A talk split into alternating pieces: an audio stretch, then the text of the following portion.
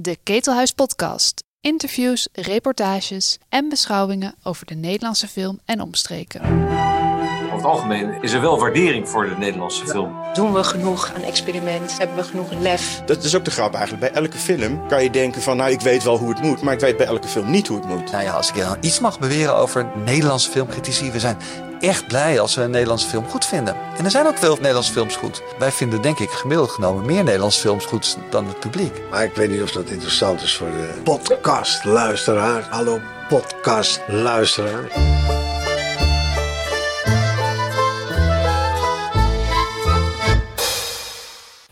Hoeveel centjes gaat de filmsector nu echt krijgen van Netflix en zijn streamer-conculega's? Is documentaires maken een leuke hobby waar je met mazzel nog wat voor betaald krijgt? En wie heeft er tegenwoordig de broek aan bij het Filmfonds?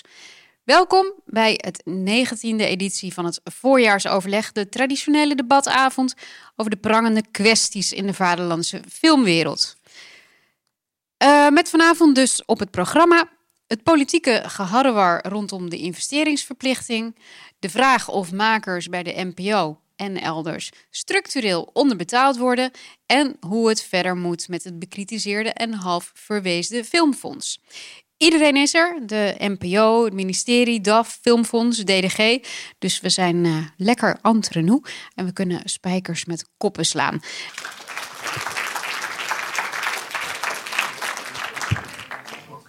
Yes, we gaan beginnen met de investeringsverplichting. Um, ik vond het eigenlijk vooraf eigenlijk heel makkelijk klinken. Um, en, en mooi ook. De streamingsdiensten die moesten dan een deel van hun inkomsten investeren in de Nederlandse filmindustrie. Zou heel veel miljoenen opleveren, 40 miljoen zelfs. Um, maar voordat er over gestemd werd, werd dat hele wetsvoorstel al uitgekleed. Dus niet 100% maar 50% van de opbrengst gaat nu naar film en documentaires en series. Dus dat betekent dat die andere helft gaat naar, nou zeg het maar, Peter Quint, reality shows. Nee, dat is het inderdaad. Uh, reality shows of actualiteitenprogramma's. Kijk, uh, de, de oorspronkelijke doelstelling was natuurlijk, dat werd ook gezegd in het uh, filmpje, de ondersteuning van het Nederlands cultureel audiovisueel aanbod is geloof ik de officiële term. Kort samengevat, het ondersteunen van dingen die anders misschien niet gemaakt gaan worden. En wat dus tijdens het vorige Kamerdebat, waar u zojuist mijn zagrijnige samenvatting van zag, um, gebeurde, was dat die hele grens werd opgeheven. En dat ja, streamingdiensten dus aan alles kunnen gaan uitgeven. Ja, en dan, gaan, dan is het makkelijk om het uit te geven aan iets wat toch wel gemaakt wordt. Dan kost het je namelijk geen geld. Ja, als ik 20 euro uh, opzij zet om ergens in te investeren. En ik doe er uiteindelijk boodschappen van, want dat valt er ook onder. Ja, die ging ik anders ook al doen. En ja, dat, dat, daar maak ik me wel zorgen over. Een van de andere dingen waar, waar dat wetsvoorstel op werd uitgekleed was dat niet 80% maar 60% naar de opbrengsten gaat van, naar uh, onafhankelijke producenten. Doorheen, um, hoe heb jij eigenlijk naar dat debat gekeken? Nou, ik denk zoals de hele sector uh, onthutst. Eh, dat hele percentage als het gaat over onafhankelijke producties, dat moest nog worden vastgelegd. Dat zou oorspronkelijk in lagere wetgeving gebeuren. En er lag een amendement voor uh, eh, 80%. Maar in principe dat, dat uh, debat nam gewoon een totaal andere wending. Met name door de plotselinge verbreding van het totale aanbod. Waarmee uh, het hele doel van het wetsvoorstel op losse schroeven kwam te staan. Want zoals Peter ook zegt, het ging en gaat nog steeds over uh, producties die er alleen maar komen als je er een extra zetje, zetje aan geeft. Daarom, dat woord cultureel gaat ook over cultuurbeleid. Dat is ook precies eigenlijk de grondslag om überhaupt een heffing of een investeringsverplichting zoals ze in Nederland van plan zijn uh, in te voeren, dat heb je daarvoor nodig. Dus daar ging eigenlijk alle aandacht naartoe. Uh, maar goed, je moet ook praktisch kijken. We zijn echt al jaren bezig om dit voor elkaar te krijgen. Dus met die nieuwe amendementen die daar op 21 april zijn gepresenteerd van de coalitie, voelt het ook een beetje, je bent weer terug op de rit. Uh, bij het Kamerdebat was de sector eigenlijk gewoon helemaal weggespeeld en was het hele doel weggespeeld. En door nou tenminste 50% toe te kennen aan films, documentaires en series, zoals het in het wetsvoorstel heet. En tenminste 60% aan uh, onafhankelijk.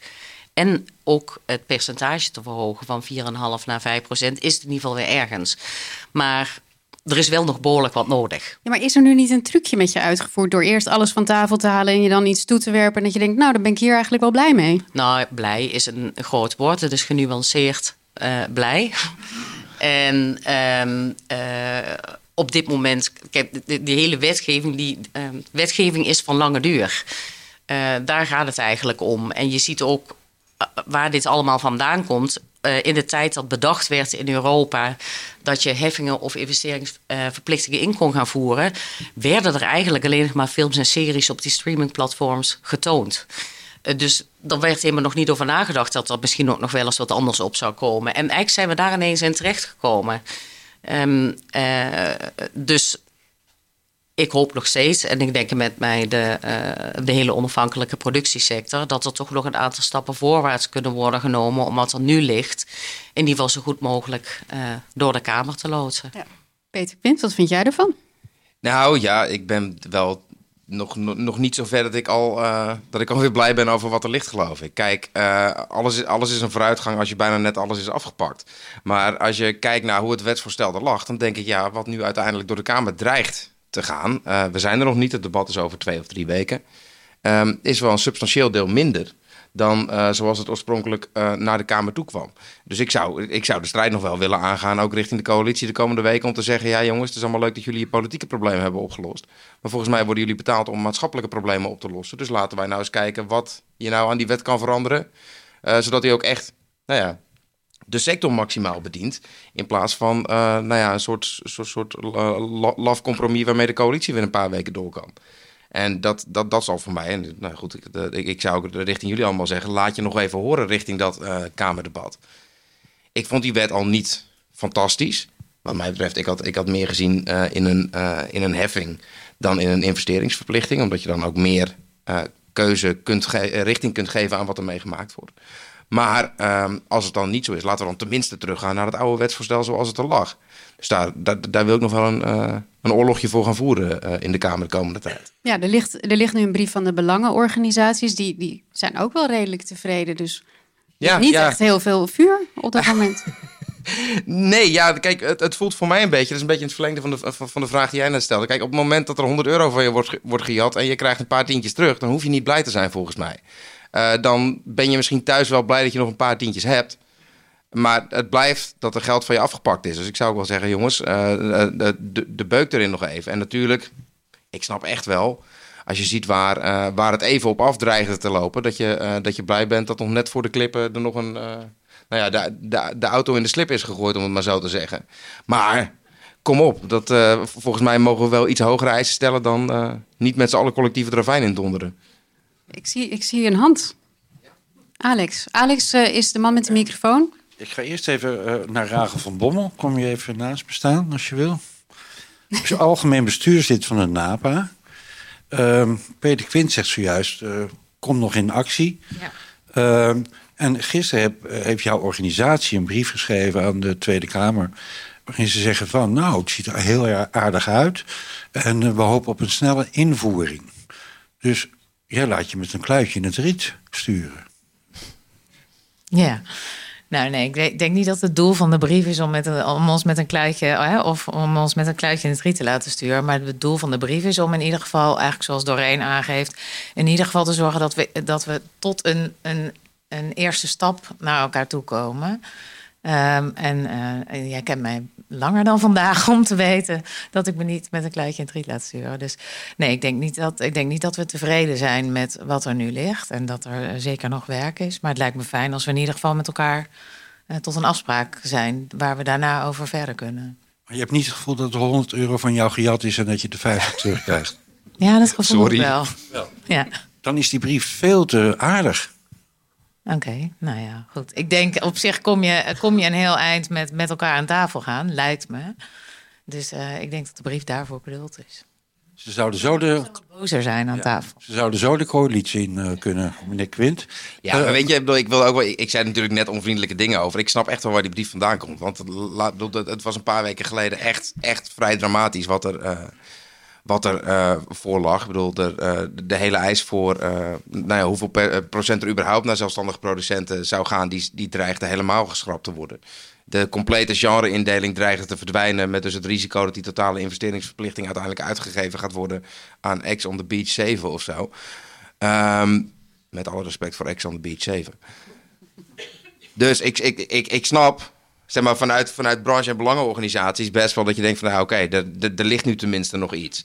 Maar ik heb eerlijk gezegd toch, bij mij domineert nog wel redelijk de pest in mijn lijf over, eh, over hoe dit allemaal gelopen is. En ook omdat ik denk van ja, dat, heeft eh, sector, eh, coalitie, oppositie, kamer. Bedoel, hebben we nou met z'n allen ergens een stokje laten vallen dat we dit hebben laten gebeuren? Daar ben ik eerlijk gezegd nog niet uit trouwens. Of dat, Ja, want dat vroeg ik me af. Ik begrijp, want jij was verbaasd over, Ja. over hoe dat liep. Wat zit daar nou achter? Zit daar een hele stevige lobby van Netflix achter? Heeft iedereen een abonnementje gekregen? Eh, Wat, wat is daar gebeurd? Nou, ik heb ooit in een boek van een voormalig VVD-Kamerlid gelezen dat hij sowieso al elke avond in de Kamer Netflix zat te kijken. Dus ik denk dat, ik denk dat, dat, dat het met die abonnementen al wel een poosje goed zit.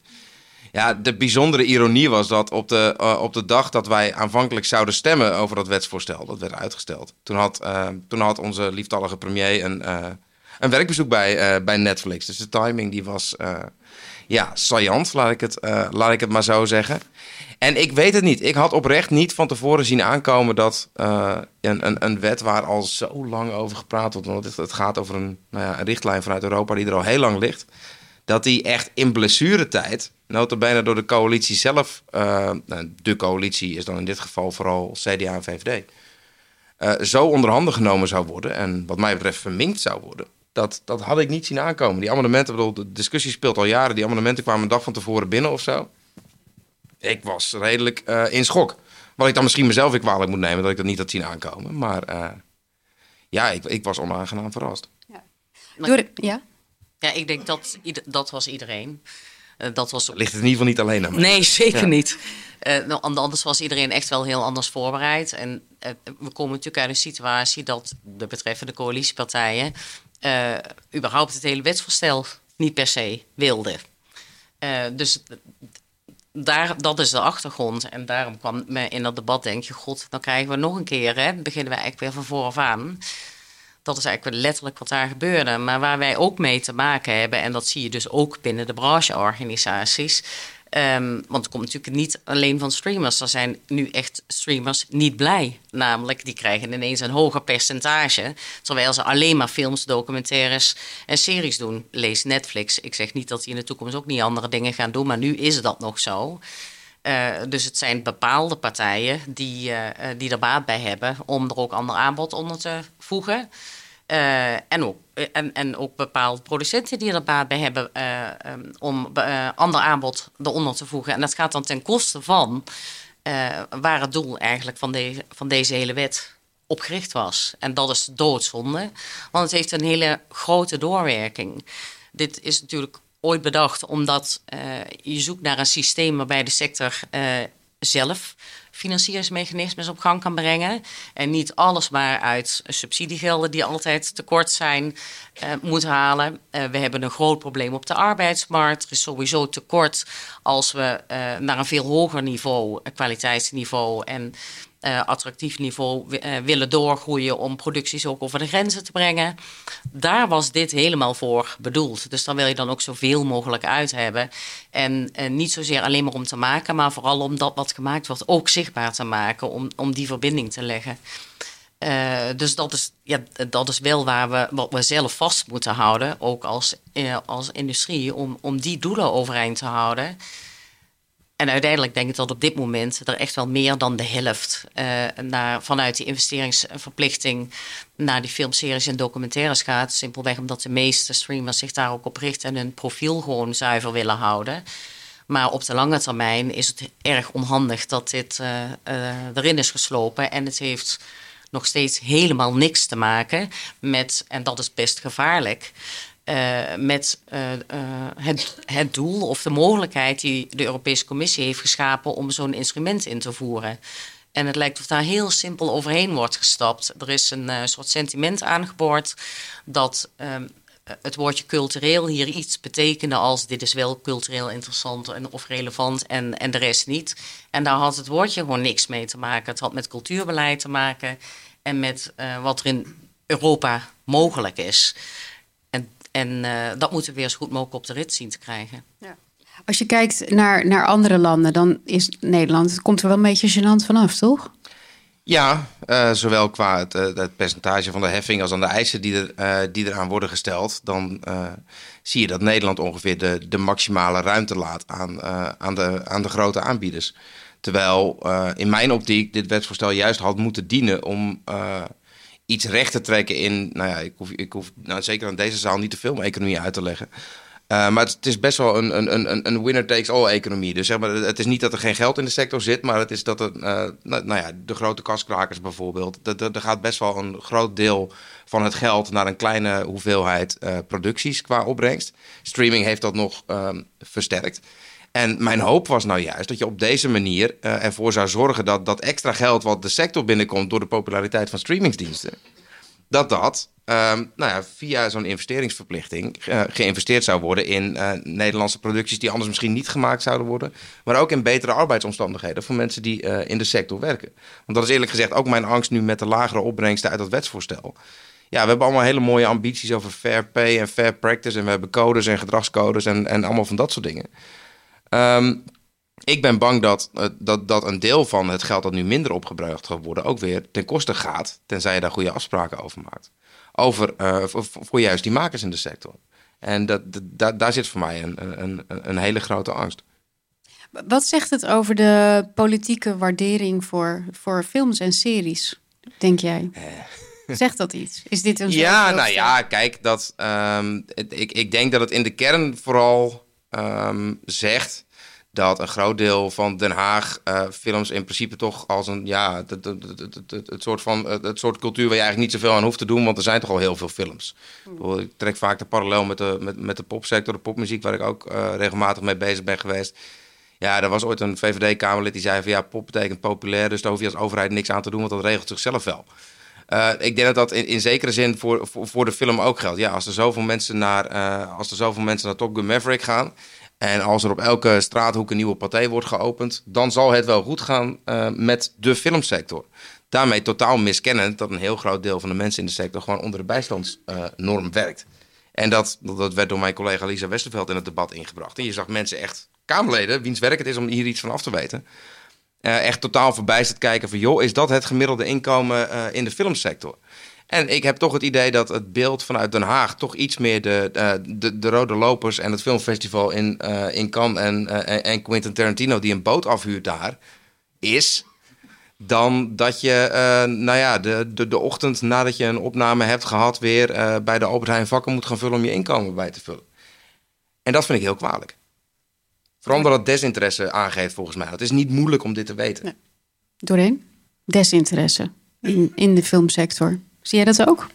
Nou, niet alleen in de filmsector. Ik denk dat als je luistert naar een toespraak van uh, de Franse president, dan denk je wel, zou het hier niet ook eens een keer zo kunnen als het überhaupt over kunst en cultuur gaat? Uh, daar wordt gewoon op een hele andere manier naar gekeken. Dat is ontzettend moeizaam voor, voor de sector. En zeker als je bedenkt dat het gewoon ontzettend belangrijk is uh, voor een hele samenleving om gezond te blijven. Uh, dat je die krachtig maakt en dat je al die verbindingen mogelijk maakt. Dat is moeizaam. Uh, maar goed, kijk, dit is één, één ding en dit is een heel belangrijk ding, uh, de investeringsplicht. Maar ik denk dat er behoorlijk wat meer aan de hand is in Nederland. als je kijkt hoe de filmindustrie en, en media-industrie op dit moment wordt ondersteund je bent nog bezig met eigenlijk proberen hier iets van te maken. En dan lees je alweer dat uh, het btw-tarief bijvoorbeeld, uh, lage btw-tarief onder vuur staat. En nou, ik kan hier heel erg lang doorgaan om alle dossiers die er spelen uh, op te sommen. het, is, het is echt verschrikkelijk. En dan denk ik, je zit in een. dit is een sector die, in ieder geval als het over het produceren gaat helemaal bestaat uit zelfstandigen. Die zelfstandigen die hebben continuïteit nodig, die hebben uitzicht nodig um, en uh, beleid dat op elkaar aansluit. En ze krijgen precies het tegenovergestelde. Dus het ene, is, het ene is nog niet mislukt of gelukt. En dan wordt het aan de andere kant alweer afgebroken. En dat moet echt een keer afgelopen zijn. Want in plaats van dat we vooruit gaan met z'n allen, gaan we gewoon achteruit. Ja, dan de, de BTW. Um, de BTW op, uh, in de culturele sector dreigt verhoogd te worden. Waar kwam dat opeens vandaan eigenlijk? Nou, Ja, er moet bezuinigd worden. Eh, schijnbaar, vindt, vindt het kabinet. Ehm, daar kun je van alles van vinden. Ik vind daar van alles van. Daar zal ik jullie vanavond niet, eh, niet mee vermoeien. Maar dan, dan, dan, dan komt er in, in zo'n, dat heet dan de voorjaarsnota, dat is een herziening van de begroting gedurende het jaar. En dan komt er een hele lijst met mogelijkheden van hoe die bezuinigingen gerealiseerd zouden kunnen gaan worden. En één daarvan was dus inderdaad het lage btw-tarief op, eh, op onder andere, nou ja, op, cultuurbreed. Dus dan heb je, dan heb je het over, eh, nou ja, eh, boekhandels tot, tot, tot bioscoopkaartjes. Ja, ik snapte niet zo goed waar dat. Volgens mij hebben we een jaar geleden allemaal nog met elkaar waren we aan het praten over hoe we de mensen de zalen weer inkregen. Dit, dit gaat natuurlijk leiden tot een verhoging van de ticketprijs. Ja, en dat is, dat, dat is denk ik ook waar, waar Doreen het net over had. Kijk, soms ontbreekt de, de, de samenhang gewoon eh volkomen. En dan merk je dat, want laat ik ook iets aardigs over Den Haag zeggen. Volgens mij eh, hebben wij nu een, een, een, een staatssecretaris met aantoonbaar hart voor cultuur, betrokkenheid, zoals hij vorig jaar, zag ik eh, in het jaaroverzicht. Ehm, maar je merkt dan dat op het moment dat op het hoogste niveau er in één keer weer besluiten genomen moeten gaan worden, dat het dan wel heel erg snel weer de cultuur eh, achter, het, ja, achter het net vist. En dat dus allerlei dingen die dan nou ja, in zo'n klein, relatief klein groepje van, van cultuurwoordvoerders besloten wordt van joh, eh, we hebben net corona achter de rug. Het is belangrijk dat we een herstelplan voor de sector hebben en dat de zalen weer volkomen. Eh, dat je daar dan heel lang op kan zitten puzzelen. En dat als je niet oplet, want laten we ook niet al te negatief zijn, eh, voorlopig is dat, eh, is dat lage btw-tarief nog niet geschrapt. Maar als je niet oplet en als we niet op tijd van ons laten horen, ja, dan loop je wel het risico dat je gewoon op een hele grote stapel met mogelijke bezuinigingen uh, komt te liggen. En ja, dan gaat het een paar ministeries hoger en dan is het toch op een gegeven moment van ja, we moeten optellen tot dit bedrag. Nou ja, doe maar die, doe maar die en doe maar die. En voor je het weet is jaren aan uh, belangrijk werk met een paar pennenstrepen weg. Dus laten we dat in ieder geval niet laten gebeuren. Nee, dat is precies de reden waarom we inderdaad meteen iets van ons hebben laten horen. Want je ja, krijgt dat ook niet zelf te horen. Je moet wel echt de lijstjes bijhouden om te kijken waar uh, mogelijk ongelukken kunnen gebeuren. Nou, Voor jou kwam dit ook als een verrassing opeens? Nou ja, er, er worden ieder jaar lijstjes gemaakt waar uh, bezuinigd kan worden. Of, en, en niet per se waar bezuinigd kan worden, maar waar geld opgehaald kan worden om andere investeringen te kunnen doen. En dit is natuurlijk Nederland breed, het, het lage btw-tarief. En daar valt, valt cultuur onder. Maar ja, dat kun je voor, voor ons en voor de cultuursector breed, maar ook zeker voor film, omdat het ook nog hier een hele grote doorwerking heeft met bijvoorbeeld dat een deel daarvan uh, volgens Peter te weinig, volgens een aantal ook, maar dat maakt niet uit. Maar dat, er wordt in ieder geval geïnvesteerd in productie. Uh, nou, we hebben het net gehad over de investeringsplicht die ze minder op gaat leveren. Als dit dan ook onder druk zou staan, dan ben je dat ook weer kwijt. Dus het werkt gewoon ontzettend hard door. Er wordt dan dus op het moment dat daar besluiten over worden genomen, moet je van je laten horen. En ook duidelijk maken dat het een grote doorwerking heeft in de keten. En dat het ja, hier met name gaat over doeltreffendheid. Want dat staat duidelijk in dat rapport, dat dat zeker zo is. En, en niet ineens met andere argumenten aankomen waarom je daar eventueel een streep doorheen kan zetten. We zijn op die manier eigenlijk ooit het mediafonds kwijtgeraakt. Dat was ook ergens in de lijst terechtgekomen. En uh, ja, dan staat er ineens een streep door het bedrag. En niemand denkt na van wat betekent dat eigenlijk voor zo'n hele sector, voor zo'n hele infrastructuur.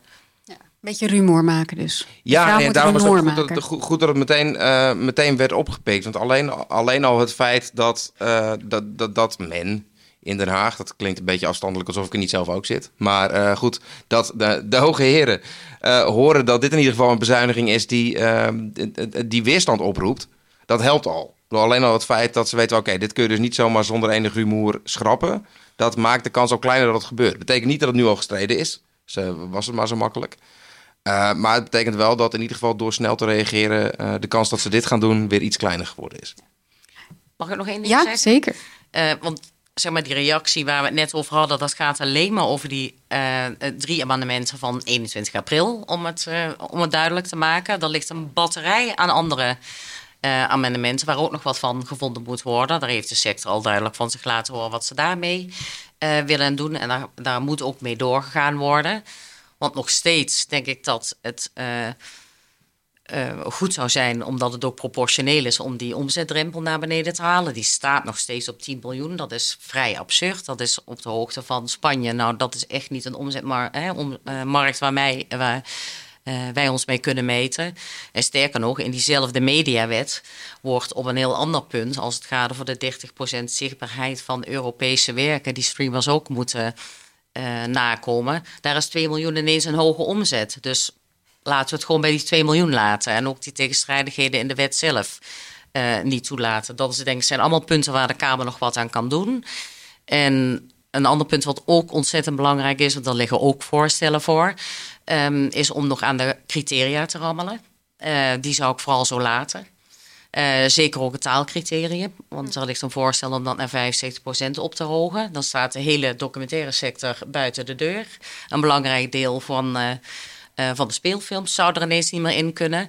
Los van het feit dat het voor het stimuleren van de productie slecht is en voor het stimuleren van de internationale samenwerking. Uh, maak je het ook streamingpartijen gewoon onmogelijk om aan die investeringsplicht te voldoen. Want wat moeten ze in hemelsnaam aankopen als je de helft al eruit bonjourd? Dan ga je eigenlijk indirect sturen op allemaal dat andere aanbod dat het niet nodig heeft. Floortje, misschien uh, ja? Ik zie iemand van het ministerie zitten. Ja. Ik vraag me af, is het uh, Ernest Slot, uh, de filmambtenaar van Nederland, ben je nog steeds? Is het optimisme van de staatssecretaris sinds vorig jaar toegenomen of afgenomen? Nou, ze blijft optimistisch. Dus, uh, en nou ja, ze zal gewoon op 24 mei weer in de Kamer staan om, om het wetsvoorstel zoals het is ingediend ook te verdedigen. Dus, dus dat blijft de inzet van haar het wetsvoorstel in de oorspronkelijke vorm. Zoals het is ingediend door haar, ja. Nou, kan je steunen? Met de ja, nee, dat, ja, nou, ja. Ja, ik heb zelf ook nog wat amendementen ingediend. Maar misschien kunnen de staatssecretaris en ik het op een bondje gooien. Dat als zij nou heel positief is over mijn amendementen. Dat ik dan heel erg ga proberen om haar wetsvoorstel te redden. En dan hebben we er volgens mij allebei wat aan. Nee, ja, kijk, bedoel, ik, uh, ik, ik, ik zei het net al. Bedoel, ik vind dat zij. Uh, bedoel, ik, ik, ik, wat mij betreft had de wet verder moeten gaan. Maar goed, dat is meestal. Dat is ook een beetje mijn rol als SP'er soms, denk ik. Dingen gaan mij niet snel uh, ver genoeg. maar ik ben het volledig met de staatssecretaris eens dat wat er nu ligt een betere wet is dan wat, dan wat de rest van de Kamer ervan dreigt te maken. Dus dat wordt nog wel een. Uh... Het wordt een interessante avond, ja. 24 mei begreep ik. Dan... Ah, ochtend. Nou, dan. Uh... Ik zet hem in mijn agenda. Ja. Kijk, die amendementen hebben al een meerderheid. Dus dan het wordt moeilijk om die meerderheid er weer vanaf te pulken. Ja, moeilijk. Ja, dat is waar. Maar ja, als het makkelijk was geweest, dan was het al geregeld. Ja, kijk, ik, ik, ik wil de strijd met, met, met, sommige partijen wel aangaan. Omdat ik denk dat, kijk, dat, uh, wat, krijg je? Er staan een meerderheid onder partijen. Er staan heel veel kleine partijen die helemaal niet zelf bij het debat aanwezig waren. Nou ja, die hebben uiteindelijk hun naam eronder gezet. Ik hoop dat die zich uh, wel voor de tweede helft van het debat melden. Want ik, ik, ik zou van sommige kleine partijen wel eens, uh, wel eens willen weten... wat nou precies hun inhoudelijke overweging was om hiervoor te gaan. Volgens mij is daar best nog wel wat, wat ruimte om uh, met, met andere argumenten, uh, nou ja, bijvoorbeeld uh, de, de, kracht van de Nederlandse filmsector en nou ja, ook de economische waarde die dat kan hebben voor een groot deel van, van Nederland. Ook nog wel wat, wat partijen op rechts te kunnen overtuigen dat het wetsvoorstel zoals het er nu ligt, eigenlijk veel verstandiger is dan wat de coalitiekamerleden ervan gebrouwen hebben. Dus we gaan gewoon we gaan het zien. Ja. We, gaan, ja, we gaan het zien. Dank jullie wel, Peter Quint en Doreen Bonenkoop.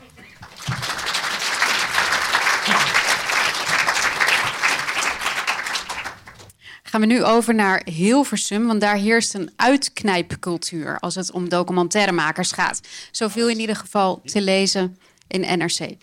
Um, ehm, na de documentairemaakster Monique Nolte vertelde over de scharrige betaling die de omroep haar had aangeboden voor haar vervolg op haar hitdocumentaire Het Beste voor Kees, trokken meer mensen hun mond open. Hier aan tafel Monique Nolte, um, Rachel van Bommel, producent en oprichter van Mail Street Film en Tim Oliehoek, uh, regisseur van geen documentaires, maar fictiefilms. Um, ik begin wel gewoon bij de documentaires. Monique, jij bent uh, klokkenluider geworden. Ja. Was dat, was dat de bedoeling? Had je gedacht dat dit überhaupt zoveel ophef zou opleveren? Nee, helemaal niet. Dat was echt een, uh, een grote verrassing en ook eigenlijk wel heel erg fijn.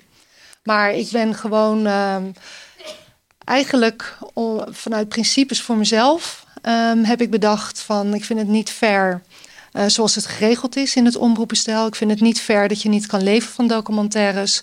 En daarom ga ik mijn volgende documentaires niet meer volgens het systeem doen. Eigenlijk in de hoop dat, uh, omdat ik op een gegeven moment, eigenlijk was ik in 2015 begonnen, maar dan moet ik het straks even vertellen, even uitleggen. Maar pas in 2016 wist ik zo ongeveer dat uh, er een nieuwe film zou komen over Kees. En toen dacht ik van, ik heb een sterke titel, die raak ik wel kwijt.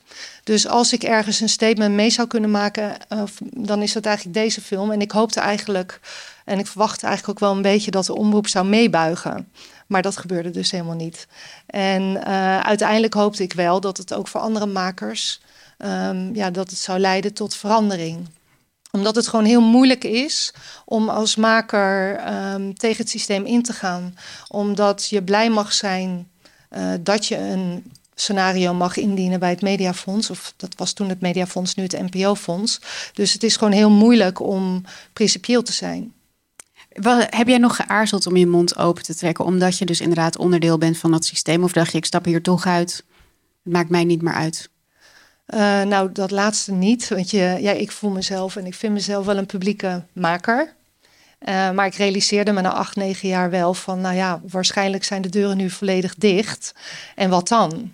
En ik heb het geluk gehad dat sinds 2014 het hele omroepbestel, of eigenlijk het mediabestel, is veranderd. Uh, want Netflix is gekomen, Amazon, natuurlijk alle streamingdiensten. En dat was toen de tijd niet zo. Maar ik heb denk ik eigenlijk daar niet heel goed over nagedacht. ik ben een beetje kamikaze gegaan en gewoon gehoopt van uh, ja, de publieke omroep gaat wel veranderen. Maar nee, ze hebben echt de poot tot aan het einde toe uh, stijf gehouden. Ja, dus ik ben echt heel erg blij dat er heel veel rumoer is gekomen. Want ik denk van, uh, we moeten als makers echt de vuist maken in je uppie. Dat heb ik ook gemerkt, je bent gewoon heel klein. En het is gewoon heel erg moeilijk om uh, een verandering teweeg te brengen. En ja, weet je, streamingpartijen zoals Videoland uh, kunnen dan een alternatief zijn... waar je dan toch nog je documentaires kwijt kan. Maar goed, of dat ook geldt voor de artistieke documentaires, is natuurlijk de vraag. Ja. Wat, wat doet het eigenlijk met de kwaliteit van de documentaire, van de Nederlandse documentaire, dat al onze makers volgens jou structureel onderbetaald zijn? Zijn het al onze makers trouwens? nou ja, ik uh, weet dat niet zozeer. Ik denk dat um, de makers, um, ondanks alles, ondanks dat ze slecht verdienen, gewoon toch een hele ziel en zaligheid in hun films leggen. Dus ik denk niet dat de kwaliteit minder is. Denk ik. Maar zouden ze niet meer. Eh, kijk, als iedereen uh, onderbetaald wordt, zou eigenlijk iedereen moeten zeggen: we doen het niet. En dan heb je geen films. Nee. Zeg maar de, ja. Het ontbreekt misschien ook aan, aan solidariteit onderling. Uh, ja, dat weet ik niet zozeer, want ik ben in 2014 er al een beetje eigenlijk uitgestapt. Uh, maar ik merk heel veel angst. Ik merk echt heel veel angst onder mensen dat ze ja, het gevoel hebben, dat wordt ook heel vaak tegen je gezegd, voor jou tien anderen. En um, ja, ik denk dat er ook heel veel mensen wel daarnaast andere banen hebben. Dus je zou kunnen verwachten dat, het, uh, dat kwaliteit misschien nog beter zou zijn als je je volledig kan richten op het documentairemaker. Maar um, ja, volgens mij worden er nog steeds hele mooie documentaires gemaakt in Nederland. Maar ik ben met je eens, eigenlijk zouden mensen moeten zeggen: we gaan niet meer uh, documentaires maken volgens het systeem zoals het nu is. En we moeten ergens uh, anders naartoe. Alleen wat ik wel heb gemerkt is dat.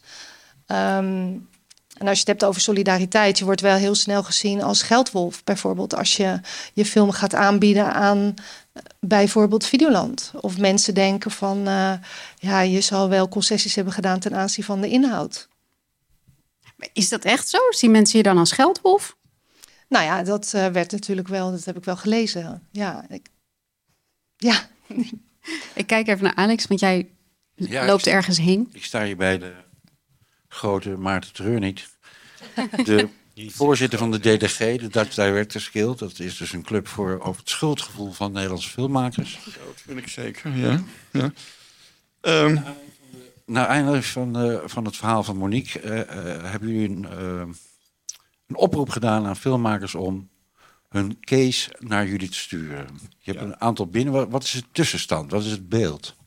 Ja, het is schrikbarend, eerlijk gezegd. Er zijn, we hebben hier een avond georganiseerd. Er waren, nou, jij was erbij, iets van 80 mensen, zoiets. Die, die kwamen hun verhaal hier doen. Um, en daar is zoveel onvrede over onbetaald werk... Dat de regisseurs moeten doen... Uh, om überhaupt hun films te kunnen maken... Um, de werk wat, waar gewoon eh, echt niet voor betaald wordt. En we hebben nu inmiddels, uh, zijn er twintig mensen bereid geweest om hun case, case aan ons te geven. En daar hebben wij allemaal punten uit gedestilleerd. En daar hebben we een brief gestuurd nu naar de, uh, de NPO. En ik heb uh, de 24e geloof ik een, gesprek daarover. We hebben gewoon gezegd, ja, dit kan zo niet langer. Want die mensen die, die leven op het bestaansminimum...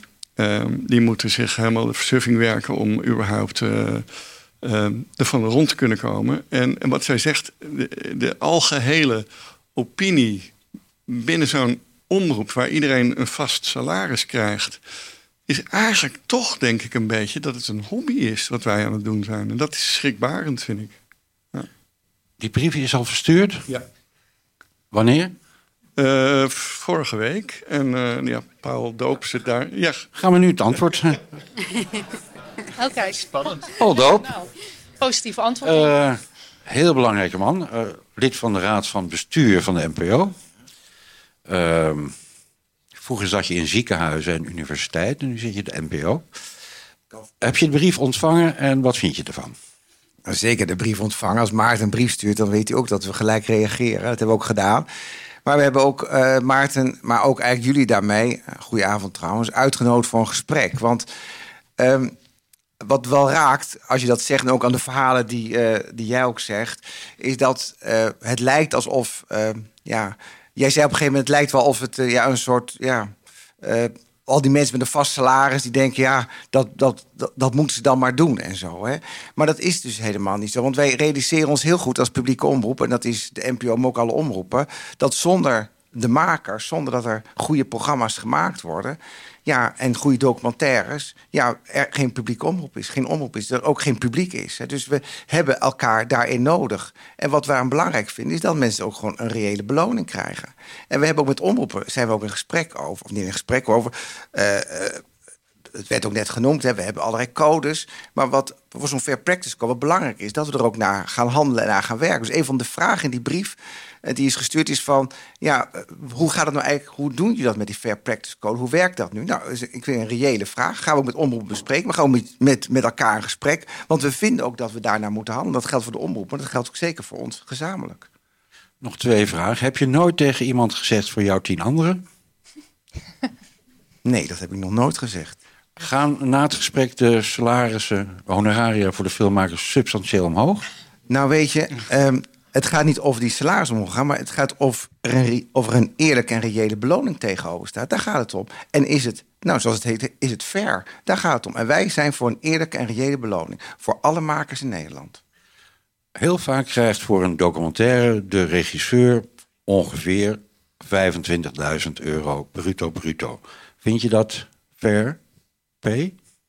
Dat hangt van de productie af. Het hangt wat, wat er gebeurt. En die regisseur is niet alleen. De regisseur werkt met een producent. Die werkt met tal van andere ja, mensen die met elkaar gezamenlijk voor, voor, ja, voor die productie zorgen. En ik vind dat we onderling en met elkaar dat voor die mensen die daaraan werken, aan dat product werken, daar gewoon reële beloning tegenover moet staan. Stel, een maker uh, is uh, uh, per saldo zes maanden, een half jaar fulltime bezig met een documentaire. Wat zou het honorarium moeten zijn? Het gaat natuurlijk om niet zozeer hoe lang je ermee bezig bent, maar het gaat erom wat het uiteindelijk het product is en wat het betekent en wat de waarde ervan is. En dat bespreek je met elkaar van wat is. Hè, want voordat je met, met, een produ met een productie begint, je praat met de omroep, je praat met degene of met uh, de streamingdienst van wat wil je, wat is er nodig en wat is daar reëel voor en wat verwacht je ook. Want dat heb je natuurlijk met elkaar over. Wat verwacht je wat de reële tijd is die je daarvoor nodig hebt. Daar praat je over. En dan zeg je, dan is het dat en de een, ja, die een, de een heeft meer tijd nodig dan de ander. Maar uiteindelijk gaat het om de reële prijs die je betaalt. En om een reële inschatting van het aantal uren wat je daarvoor nodig hebt. Dat kun je niet van tevoren zeggen van een half jaar of een jaar. Dat moet zoveel kosten. Dat gaat erom uiteindelijk wat is het. Wat is het product uiteindelijk ook waard voor, uh, de, voor de omroep of voor de betreffende dienst? Ik heb de indruk dat je geen antwoord wil geven. Nou, ik wil geen antwoord geven in de zin van een absoluut bedrag, een half jaar, dat levert zoveel op. Dat antwoord krijg je ook niet van mij. Toch tevreden, Maarten? Maar we hebben nog een gesprek, hè, 24 april. Dus we, we, we zijn nog niet uitgepraat. Kunnen we daar allemaal bij zijn? Nou, uh, ja, weet je, ik, nou, ik denk dat het. Ik, vind het belangrijk, ik zei dat aan het begin toen we hier kwamen, zei ik ook. Het is belangrijk dat we dat gesprek hebben, dialoog hebben. Belangrijk als zulke signalen zijn dat die ook gelijk oppakken en dat doen we ook.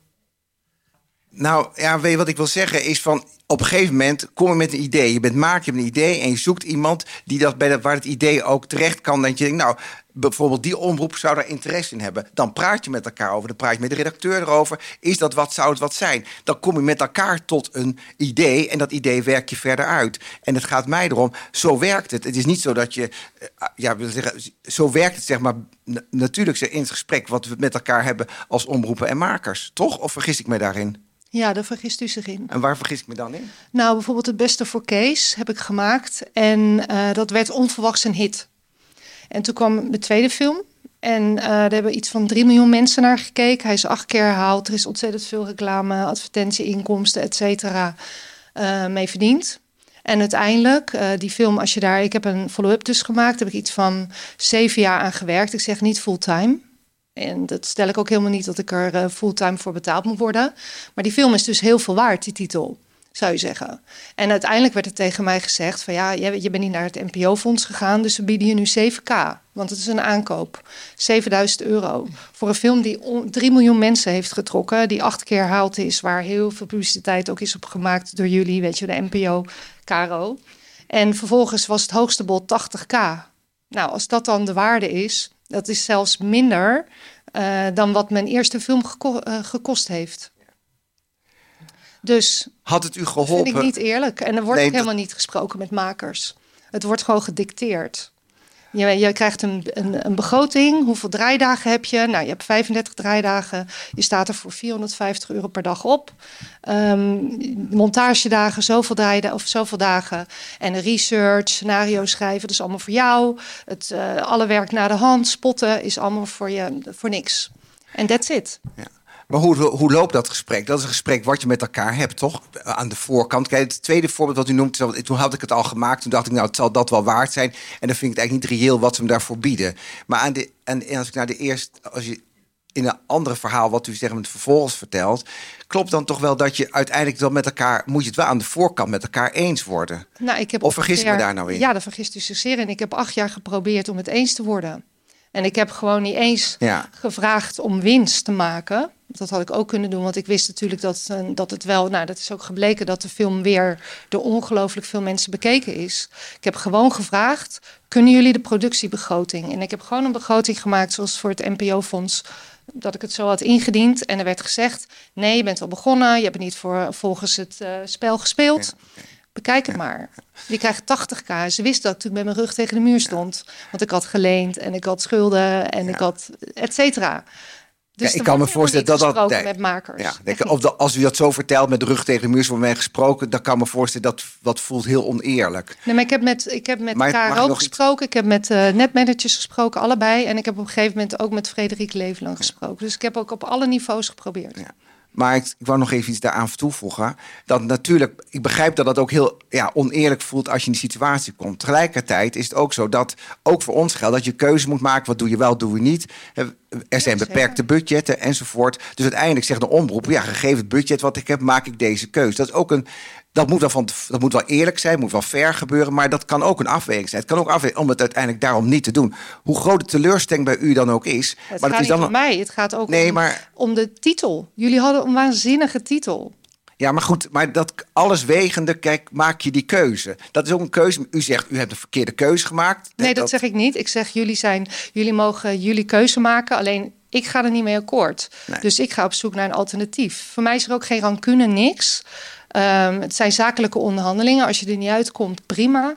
Dan ga ik gewoon naar de andere. Maar ik begrijp dat er toch wel heel veel pijn bij u zit. als Nee, ik zo vind het gewoon niet eerlijk. Ik vind het gewoon niet eerlijk dat je als documentairemaker je, je gewoon je rekeningen niet kan betalen. En vooral niet als je succes hebt met je titel. En de omroep doet daar, die loopt daarmee weg met al het succes. Nou, het, li- het lijkt me een helder verhaal. Ik vind het goed dat je hier staat trouwens. Als je belaagd wordt straks, ik zal je persoonlijk beschermen. Ehm, Dat blijft wel dichtbij je. ja. Ehm, maar de boodschap is duidelijk. Hè? Ook wat Peter Quint zei: van het is toch een beetje raar dat menig filmmaker onder de armoedegrens zit. Dat, dat, vind je ook, dat vind je ook raar. Ja, dat is ook raar. Maar ik vind ook dat we daar, daarom pleiten wij ook voor dat er gewoon eerlijke en faire beloning moet komen. Maar je moet uiteindelijk, Ja maar, ja, maar u lacht daarom. Maar dat is natuurlijk een reële verantwoordelijkheid voor ons ook als publieke omroep. Om dat met elkaar wel te doen. Want als we zo'n code afspreken, is het niet om die voor ons onze laars te lappen. Is het wel om er serieus mee om te gaan. En dat doen wij ook. Ik zeg dat we daarin geen fouten maken. Dat we daarin dingen laten liggen. Daarom wordt er ook zo'n brief gestuurd. En dan willen we dat ook verbeteren. Daarom praten we er ook met u over vanavond. Maar dan praten we er ook zeg maar over als er zo'n brief naar ons wordt gestuurd. Daar reageren we ook gelijk op. Want wij willen ook in die zin dat er ook een eerlijke beloning komt. Ook voor u. Dankjewel. Floortje, we gaan naar de fictie. Ja, nou ja, we gaan, we gaan inderdaad eh, naar de fictie. We gaan het wat, wat breder trekken. Eh, Tim, uh, verdien jij genoeg? Uh, nee, ik, ik denk de hele avond, waar ben ik in terecht gekomen? Uh, ja, nou, ik, ik, ik kan er goed van leven. En ik, uh, ik ben een gelukkig mens, maar ik ben niet de enige verdiener in het gezin. Dus dat geluk heb ik. Maar ik, er is altijd te weinig geld. En als ik alles optel en, en hoeveel tijd ik erin stop, dan, dan ben ik niet een, een hele goede verdiener. Maar ja, maar ik kan er goed van leven. Je kan de huur betalen en eten. Ja, ja hypotheek, ja, absoluut. Ja, precies, heel goed, heel goed. Je gaat uh, uh, na Arcadia wel naar Disney+. Plus. Ja. Heeft dus niet met geld te maken? Nee, nee, nee, want die, die budgetten zijn eigenlijk... niet iedereen denkt van Disney Plus, nou dan heb je wel heel veel geld en dan kun je alles doen. Maar nee, alle gesprekken die ik nu heb met de uitvoerend en en alle departementen gaat alleen maar over geld. Het is precies hetzelfde. Ik denk elke keer van uh, hoe gelukkig ik ook mag zijn, ik ben er weer ingetrapt. Had ik ook met Arcadia, was ook heel groot. Zo van, nou ja, 1 miljoen per aflevering, de duurste serie uit van Vlaanderen, bla bla. Dat is natuurlijk altijd heel gevaarlijk om te zeggen. Maar het, ging alleen maar, het gaat alleen maar over geld. Er is altijd te weinig geld. Dus ik, ja, nee, dat is het niet. Het is, het maar is, wat is het dan wel? Het is omdat uh, ik ben al sinds 2017 bezig samen met Elbe Stevens, producent. En uh, uh, daar, het lag bij het Filmfonds. Er was een omroep bij, de KRO-NCV. Marcia van Erven destijds nog. En ehm, zij ging naar Disney. En zij heeft het project eigenlijk meegenomen. En, en zij heeft de gok gewaagd om het scenario te vertalen in het Engels. En op te sturen naar de Amerikanen. Zo van, dit gaat toch niet lukken, maar we gaan het gewoon proberen. En ze gingen, ze gingen af. Dus ze, ze, ze zeiden van dit is iets wat we heel graag uh, zouden willen. En uh, nu uh, is het de, volgens, ja, de eerste Nederlandse Disney Plus film. Wat dat ook mogen betekenen. Ik ben heel blij dat ik de film mag maken. Maar het is niet dat we het alle geld van de wereld hebben. Wat, wat is er anders als je werkt voor een streamer? Nou, dat moet ik nog aan. ik zit nu in de pre-productie. Maar het is vooral voor alle departementen. Het art department is dat wel best, best pittig. Want alles moet gecheckt worden. En er wordt gezegd van, uh, nou ja, als, als uh, een personage achter de piano zit, dan moet je ervoor zorgen dat de, de toetsen niet van ivoor zijn. En uh, de gordijnen die moeten ook gecheckt worden dat ze niet door Indiaanse kindjes zijn gemaakt en dat soort dingen. En alles wordt dubbel, dubbel, dubbel gecheckt. het is een beetje Amerikaanse manier, denk ik, dat, dat alles heel veilig is. maar vooralsnog heb ik gewoon te maken met Marcia van Erven, waar ik ook eerder Hendrik Groen mee heb gemaakt, de zaak Ment, Stanley H., Arcadia ook. Uh, dus dat is een heel vertrouwd. Dus niet zo. Het is eigenlijk niet heel erg anders. Nee, het is, het, en het is natuurlijk een leuk idee dat, dat als het goed is dat er uh, eh, 70 plus landen er, er, naar gaan kijken. Dat is natuurlijk wel. Uh, een bonusje. Ja, ja, ja, ja, niet te veel over nadenken, want ik uh, ja. alleen maar krijg de oksels van. Uh, Rachel, hoe zie jij uh, de kansen binnen de streamers? Vind je dat, is het een soort ja. Ben je er blij mee? Ga je er graag naartoe? Ga ik er graag naartoe? Um, nou, kijk er wel graag naar. Nee, ik, uh, ja, ik denk dat, het, uh, dat er veel gaande is op dit moment in de sector. En uh, acht streamers ineens in een tijdsbestek van twee jaar erbij. Dat, dat, dat biedt natuurlijk kansen, maar dat zet de sector ook nogal onder druk. Zeker als je kijkt naar de makers, want uh, aan de makerskant is natuurlijk niet uh, een enorme groei geweest. Dus um, ja, ik voel daar ook wel druk. Ik bedoel, als jij zegt het gaat alleen maar over geld en er is nooit genoeg geld, dat, dat voel ik natuurlijk aan de producentenkant uh, precies hetzelfde. Want er is nooit genoeg geld. En het erge is dan vervolgens dat iedereen naar jou kijkt, naar mij. Ja, maar je moet er ook wel samen uitkomen. Precies. Is dat altijd in alles wat je doet, ja. is het keuzes maken van dat kan wel, dat kan niet. Zeker. En als ik het zo doe, uh, en, en dat is gevaarlijk als regisseur om te zeggen, ik denk dat een beperking kleine beperking. Dat het altijd goed is voor de creativiteit. Ik alles ga jou bellen, Zij- nou ja, het is niet... Nou, bel me eens een keer. Ja. Ik ben nog nooit. Ja, jij bent de hele tijd druk. ja. Nee, maar een beperking is goed voor de creativiteit. Vind ik, eh, ja. Nee, dat zeker. En alle en Nederlandse makers zijn daar bij uitstek heel goed in. Ik denk dat wij, dat wij, nou, nou, dat wij misschien wel het beste zijn in, in de meeste productie, production value halen uit eh, wat er in, in een serie zit. Als je kijkt wat we in de afgelopen jaren eh, gemaakt hebben. Maar die tijden zijn gewoon voorbij. Er is eh 14% inflatie, maar daarnaast is er ook gewoon zo'n totaal overvraagde markt. Dat, dat er op mijn projecten hebben we wel 30% inflatie. Dus moet ik ook ineens 30% bijfinancieren. Ehm, en dat vind ik als producent eigenlijk het meest ingewikkeld. Want je, kan, je hebt de streamers, maar de streamers, eh, wat je zegt, dat is ook niet Sinterklaas. En die zeggen ook niet, oh ja, prima, 30% erbij, dan, dan doen we dat. Dus dan moet je dat op een andere manier financieren. En daar moet je, ehm, nou zeker voor grote producties, toch proberen alle partijen op één lijn te krijgen. Ehm, en dat is niet altijd heel makkelijk.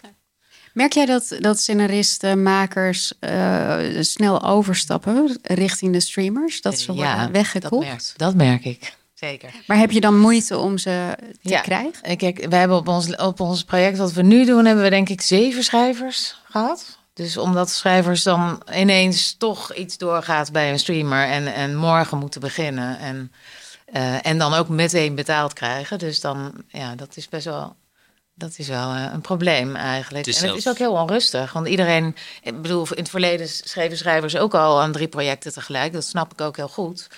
Maar op het moment dat er natuurlijk zoveel partijen zijn.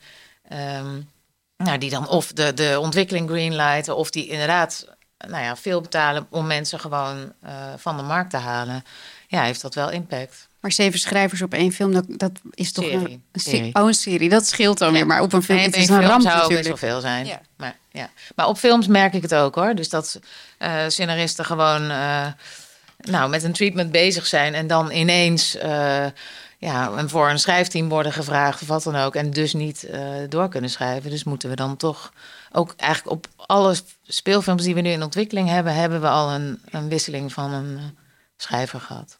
Maar ligt dat inderdaad aan eh, de budgetten die die streamers dan beschikbaar hebben voor hen? Of gaan zij gewoon achter een... Oh, je laat niet zomaar een project in de steek, toch?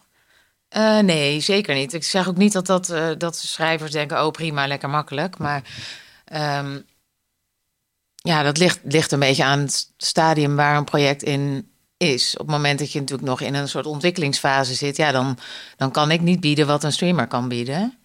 Eh, ja, en ik denk toch dat, dat. En ik denk ook dat het voor schrijvers, en dat is het denk ik ook, eh, eh, gevoelig zijn voor een grote streamer. Want het is natuurlijk ook een kans als je ineens met je film in 70 landen te zien bent. Ja, dat is voor, je, voor jouw eh, cv als schrijver lijkt me dat ook eh, interessant.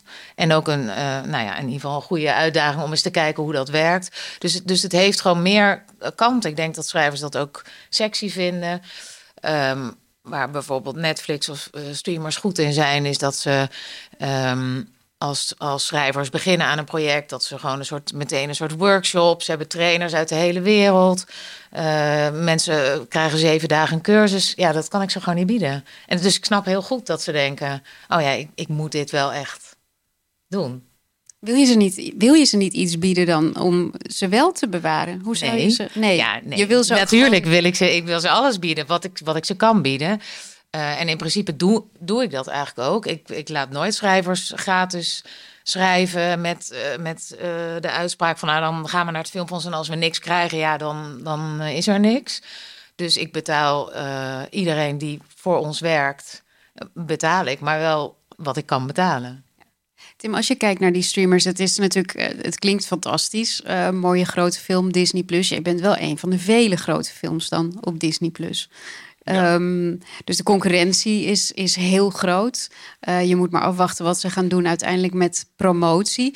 De laatste tijd gaat het bij sommige streamers niet zo goed. Trekken ze opeens de stekker uit een, eh, uit een groot project. Zijn dat geen dingen die dan toch nog in je achterhoofd spelen? Dat je Dat denkt wat- dat ik het doe, dat het, laat ik het dan maar niet meer doen. het, is ons, het is een onzekerder eh Ja, maar ik denk, er zijn natuurlijk zoveel streamers en er wordt zoveel gemaakt. Eh, dat gaat uiteindelijk toch ook consequenties hebben. Dat je elkaar ook een beetje kapot concurreert. Daar gaat, daar gaat natuurlijk wel iets gebeuren, denk ik. Dat, eh, eh, ja, hoe ja, hoeveel Nederlands content wordt er gemaakt? De HBO Max die had ook geïnvesteerd en, en, en in één keer ook de stekker eruit getrokken van dat doen we toch niet, lokale content. dus ja, ja, ik zie het nu als een, als een als een kans. En het is maar voor, vooral het verhaal waar we al zo lang mee lopen, dat we dat kunnen vertellen. Voor mij is dat eigenlijk de enige reden. Maar het klinkt nu ook alsof Tim nooit meer voor de NPO mag werken, omdat hij een Disney-film maakt. Dat is totaal niet aan de hand, toch? helemaal niet. Nee. zeker niet. Ik praat zelfs ook weer met de NPO. Oh, om, uh, om, weer een mooi drama te maken. Want uh, daar ben ik waanzinnig trots op, op wat. Uh, wat we met z'n allen maken. Zeker op seriegebied, wat er de laatste uh, jaren wordt gemaakt. Dat, dat, dat, vind ik, ik vind echt dat we echt cinema op tv maken de laatste jaren. Ik ben, trots dat ik daar een klein onderdeel uh, van, van ben. En uh, ik hoop dat, dat ik nog veel mooie dingen mag maken. Ja. Rachel, is het een, kan het een verrijking zijn voor de Nederlandse filmcultuur, die streamers, of, of is het een verschraling omdat het talent weggaat? Uh, nee, ik denk zeker dat het een verrijking is. Ik denk ook niet dat het talent weggaat. Ik denk dat het nu gewoon een soort totale overvraagde markt is. Maar ik geloof niet dat dat nog vijf jaar zo doorgaat. Dat, I don't know, maar ik denk dat dat over een jaar of twee hoop ik dat, dat zich dat stabiliseert. Ik kan me ook niet voorstellen dat die streamers maar gewoon uh, nou ja, projecten blijven ontwikkelen en stoppen. Dus, dus dat, moet, dat moet zich uitkristalliseren uiteindelijk.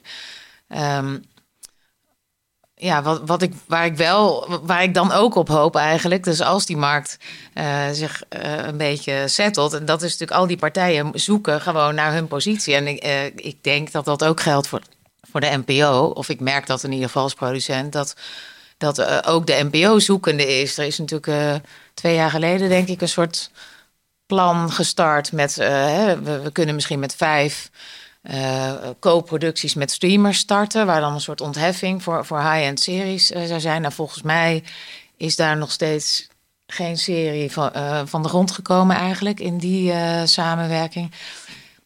En zelf merk ik dat het voor sommige producties ook fijn zou zijn om dat niet alleen voor high-end series te doen. Die high-end series die, die die financier je als het goed is met, uh, met, met veel partijen. Maar het zit hem ook juist in, in kleinere series. Of wat jij zegt, NPO had ook kunnen zeggen... nou, uh, wij willen 80 betalen en misschien moet je de rest ergens anders zoeken... in een ander window.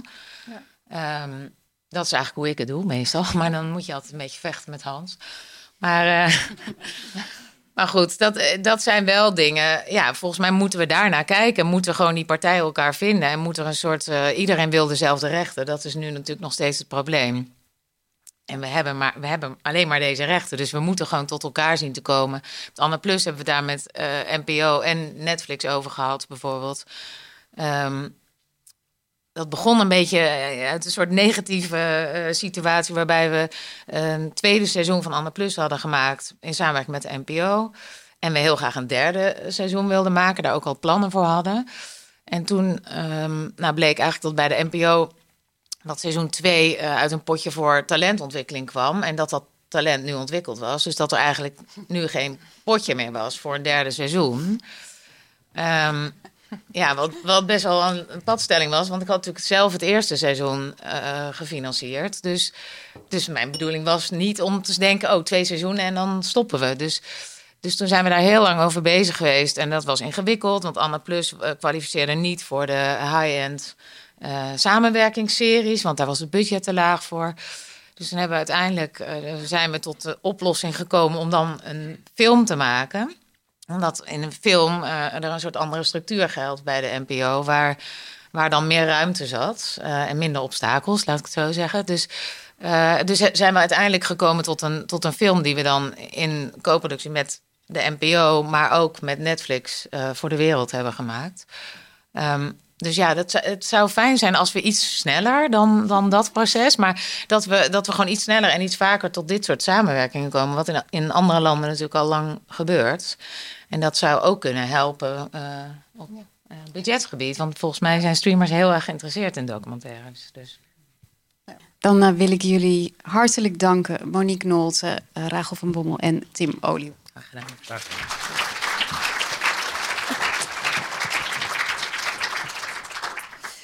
Sandra Den Hamer. Wil jij een glaasje water?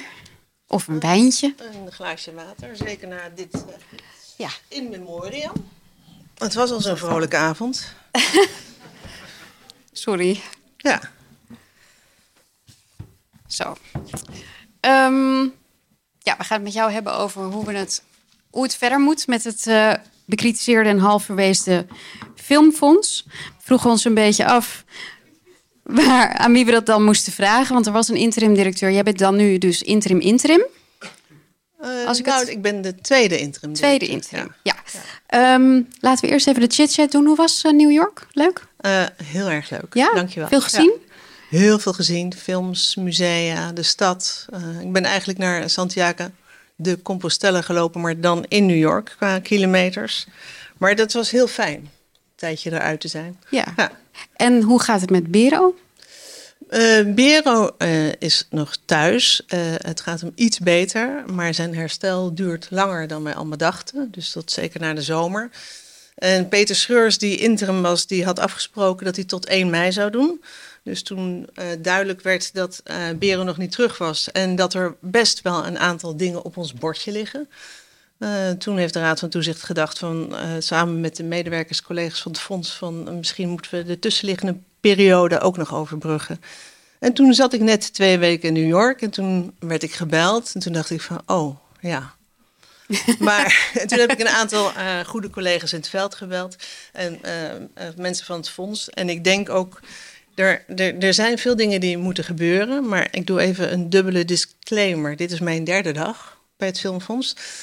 Um, en ik ben er maar een half jaar parttime ook. Maar, en ik wil me echt samen, ook met de mensen van het fonds, maar zeker ook met de sector. Want het is al een paar keer. Een fonds is niks zonder makers en omgekeerd. Dus wij moeten ons echt met elkaar gaan verhouden. Uh, er spelen best heel veel dingen. Nou, daar ga jij vast hele leuke Zeker. dingen van opnoemen zo meteen. Um, en ik denk dat het gewoon heel goed is dat we uh, in de komende tijd een begin gaan maken. Er ligt al heel veel, er is goed geëvalueerd, er is veel met de sector gesproken, we weten waar we tegenaan lopen. Dat we een begin maken met een echt een plan van verandering. Er zijn dingen die we op korte termijn kunnen aanpakken, dingen op langere termijn. En dat we tot na de zomer in elk geval de eerste stappen gaan zetten. En uh, nou ja, toen zei ik van nou oké, daar wil ik graag aan meewerken. Dus ik zal waarschijnlijk niet over een paar maanden alle regelingen uit mijn hoofd kennen. Maar ik wil wel het begin gemaakt hebben van een aantal dingen die echt moeten veranderen. Maar het, was, als, het je, is als een... jij zegt, want we hebben. Ik heb, het is pas dag drie, maar ik heb best wel veel stukken gelezen ondertussen. En er vallen best een, heel veel dingen op. Het, er is een document gemaakt van alle wijzigingen die het Filmfonds de afgelopen tien jaar heeft gemaakt. Uh, en het is een document van 70 pagina's. Wat daar, nee, maar dat is echt serieus, dat kan je om lachen. Maar daarin laat het fonds zien dat het heel wensbaar is en dienstbaar aan die sector. Dat voortdurend op behoeftes uh, die er leven in de sector, bij makers, uh, uh, of ook educatie of talentontwikkeling. Dat er heel veel geïnitieerd is, regelingen begonnen zijn. Daar is ook nog eens een keer, moeten niet vergeten wat voor speelveld en context we bewe bewegen nu na corona, 60 miljoen extra in de sector.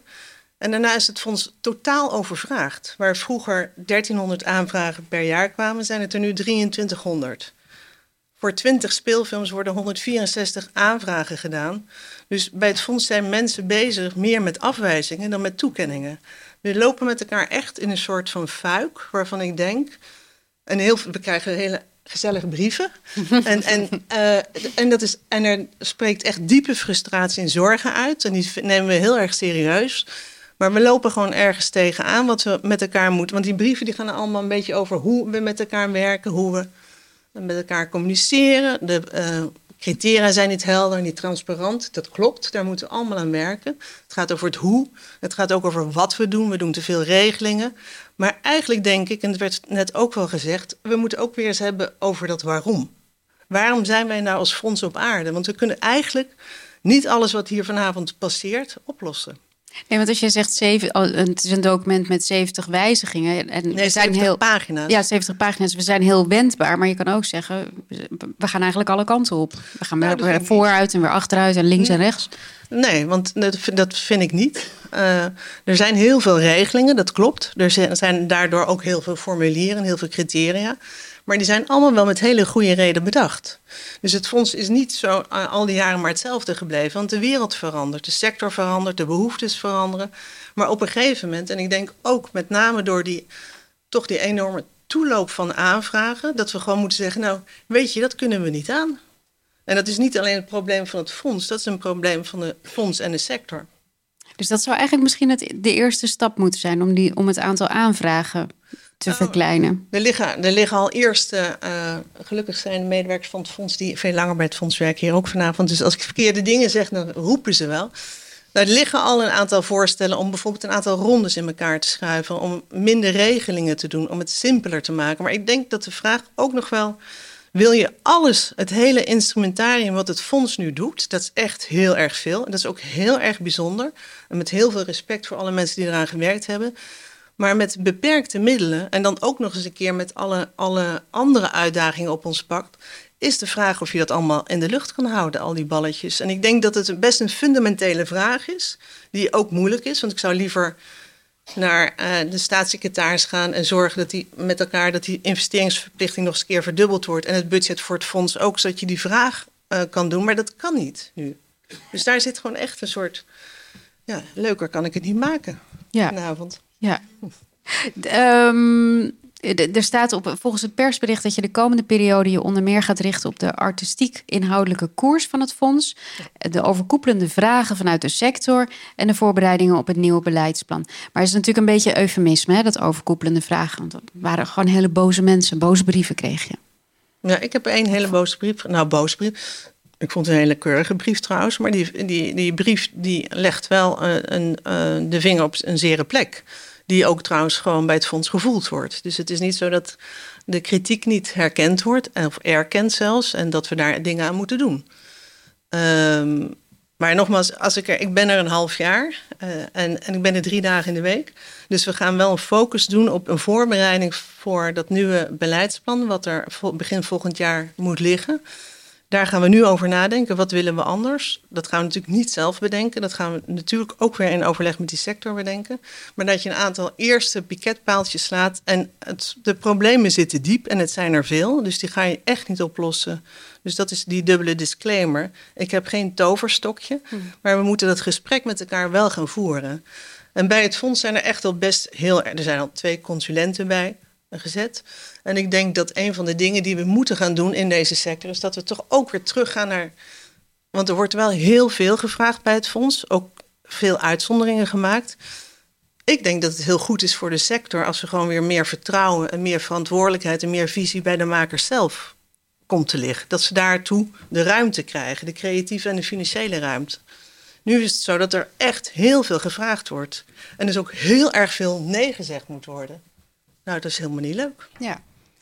Wij hebben natuurlijk de brieven geprobeerd uh, te krijgen. Die kregen we niet. Dat is allemaal heel geheimzinnig.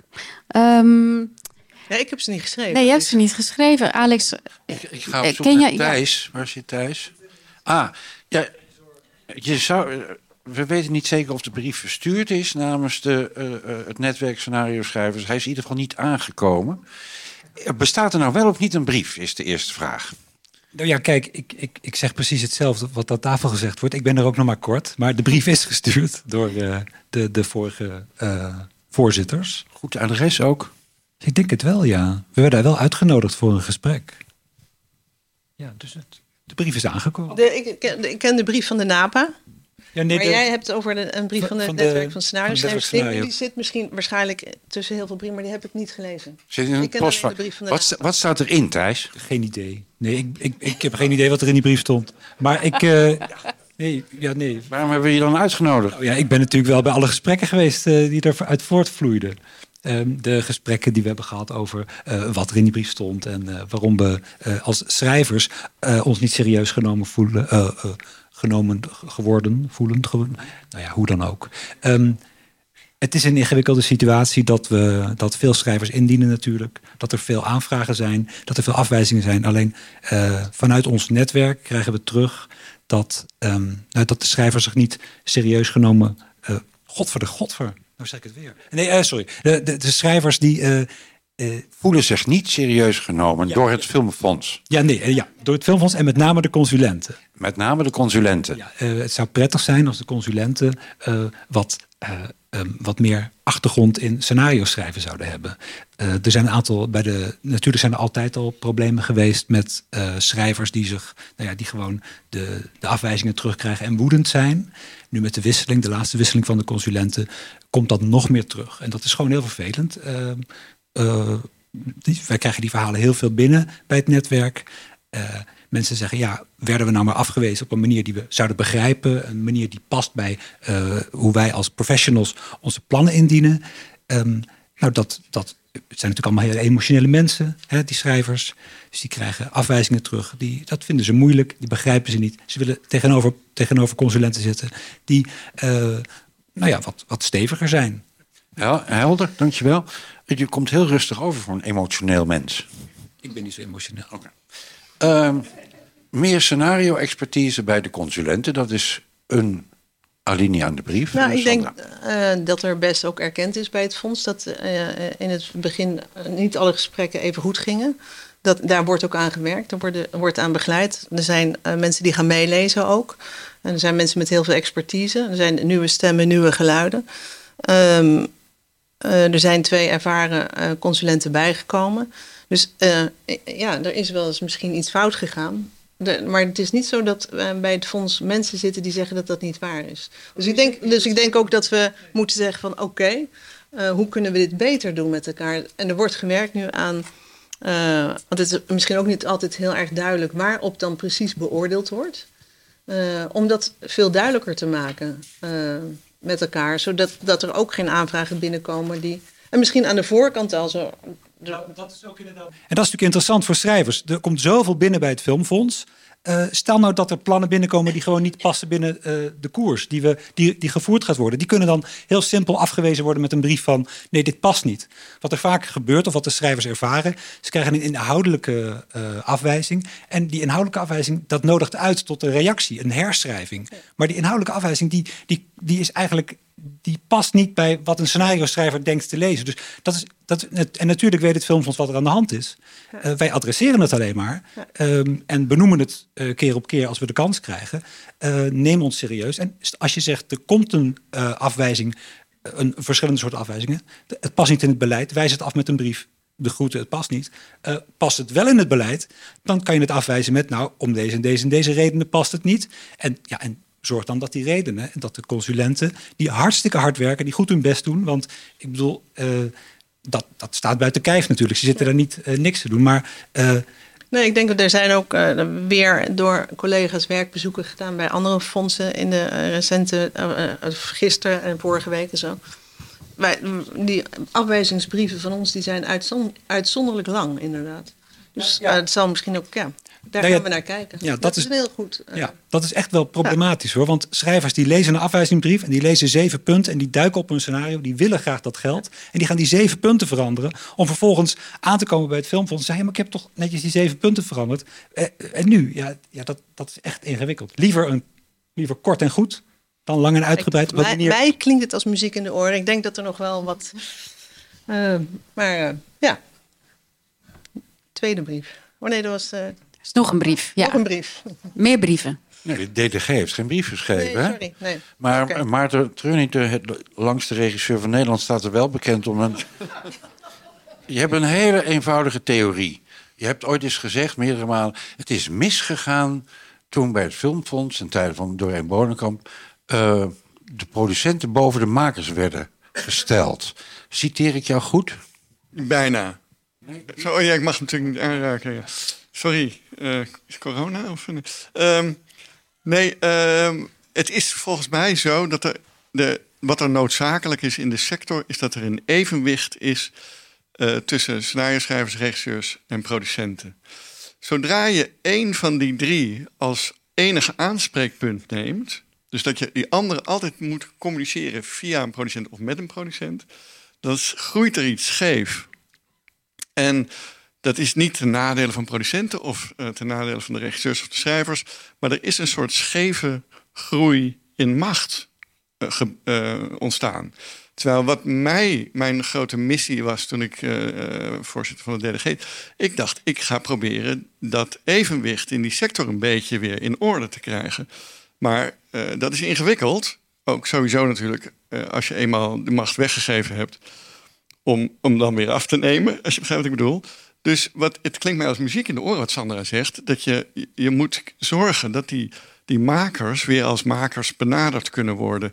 En zodat die makers weer als maker met het fonds kunnen communiceren. En, en even nog ten overvloede misschien... maar wat er, waar wij heel veel klachten over kregen... is dat er de ene consulent zegt het ene... en dan ga je daar aan, aan het werk... Dat is ook zoiets. Men is geneigd te doen wat er gezegd wordt. eh, In plaats van dat je denkt, nou, ik ga het helemaal niet doen. Ik ga het echt lekker mijn eigen idee doen. Maar ja, dan krijg je geen geld. In ieder geval, het grote probleem is... als je dan een andere consulent... er is een consulentenwissel... en die zegt 180 graden het andere. En daar heb ik zoveel goede voorbeelden van gehoord... dat daar kan je als maker helemaal niks mee. Dus ehm, ja, ik weet niet... ik- Ja, dat begrijp ik ook. En Ja. dat begrijpen wij denk ik ook. En dat moet gewoon dus beter en anders.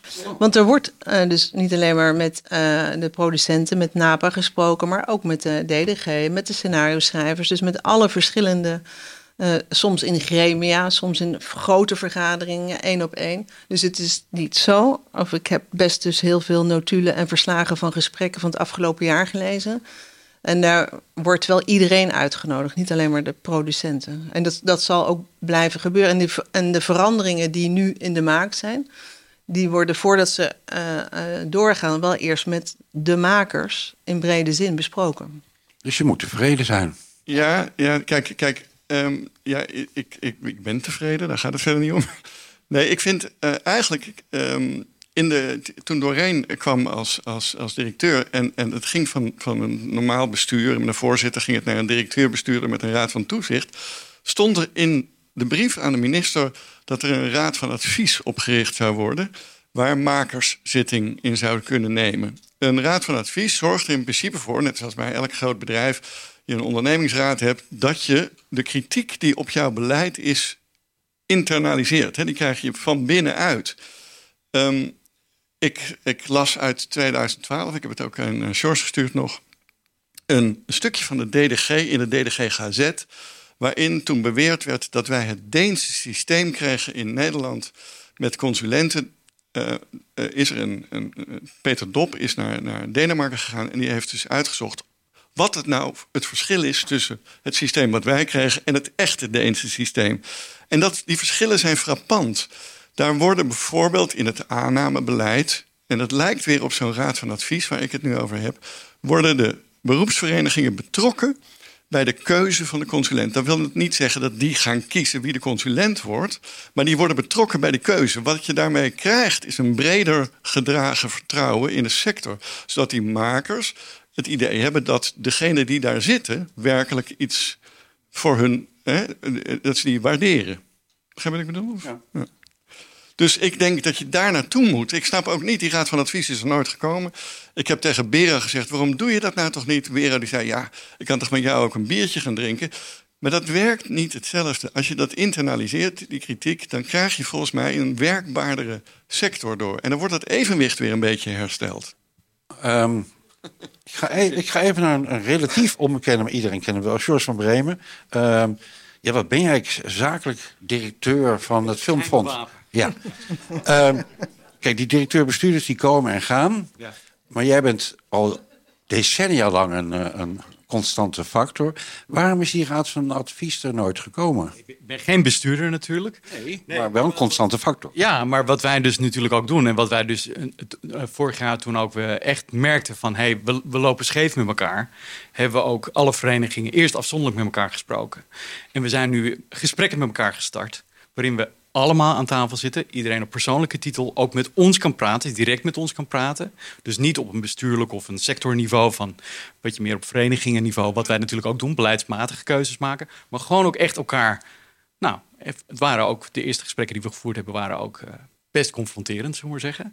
Maar waarbij wij konden zeggen van wat onze ervaringen waren en hoe, hoe dat een impact op ons had. Maar ook wat de makers. Uh, uh, eh, op ons aan te merken hadden. En je merkt dat de eerste gesprekken die we nu al voeren, zijn al heel constructief. Nou, zijn zo, waren sowieso constructief, maar waren ook nog eens heel erg meedenkend hoe we dit met elkaar konden keren. Dus ik heb wel degelijk het gevoel, in welke vorm je het ook nu eh, doet, een formele raad van advies of een klankbordgroep of een whatever.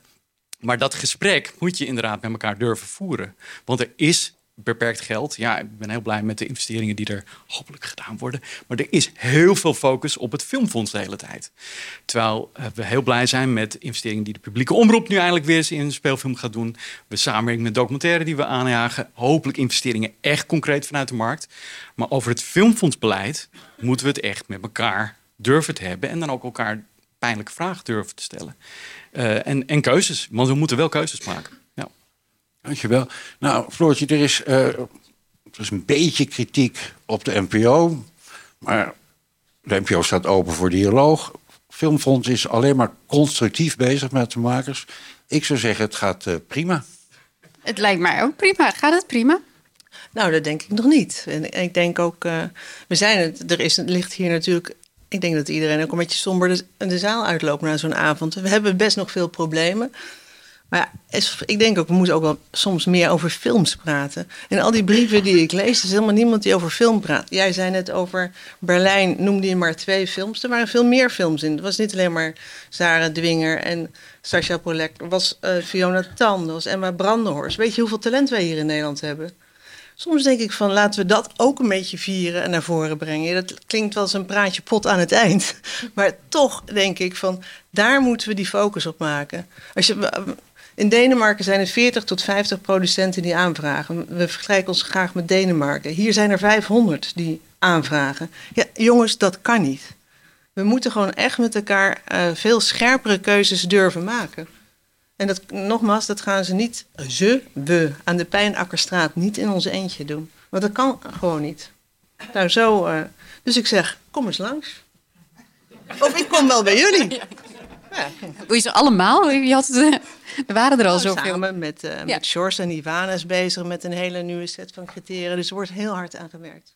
En als maar hier... het is wel, en dat vind ik, daarom dacht ik van, kijk, het is geen dag drie, dus natuurlijk een beetje raar om achter zo'n tafel te gaan zitten. Maar ik vind ook geen optie om er niet te zijn, want de kritiek is serieus, stevig en de frustratie is groot.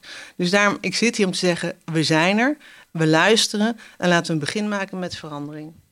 En volgend jaar? Volgend jaar? Volgend jaar is er één Nou, dan- belangrijke verandering doorgevoerd. En welke is dat? Hmm. Hmm, nou ja, die. De investeringsverplichting wordt hier geroepen, maar bij het fonds. Ja, ik vind, vind eigenlijk dat de makers dat moeten zeggen. Dan eh, praten we een volgende keer graag verder. Dan was dit het eh, voorjaarsoverleg voor dit jaar. Dank voor ieders komst en eh, tot in de bar.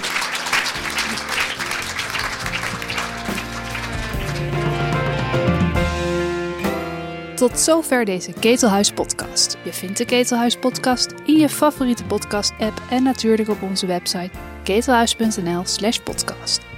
Abonneer je vooral zodat je geen enkele aflevering mist en leuk als je een reactie achterlaat. Hou ons in de gaten, we zijn snel weer terug met een nieuwe podcast.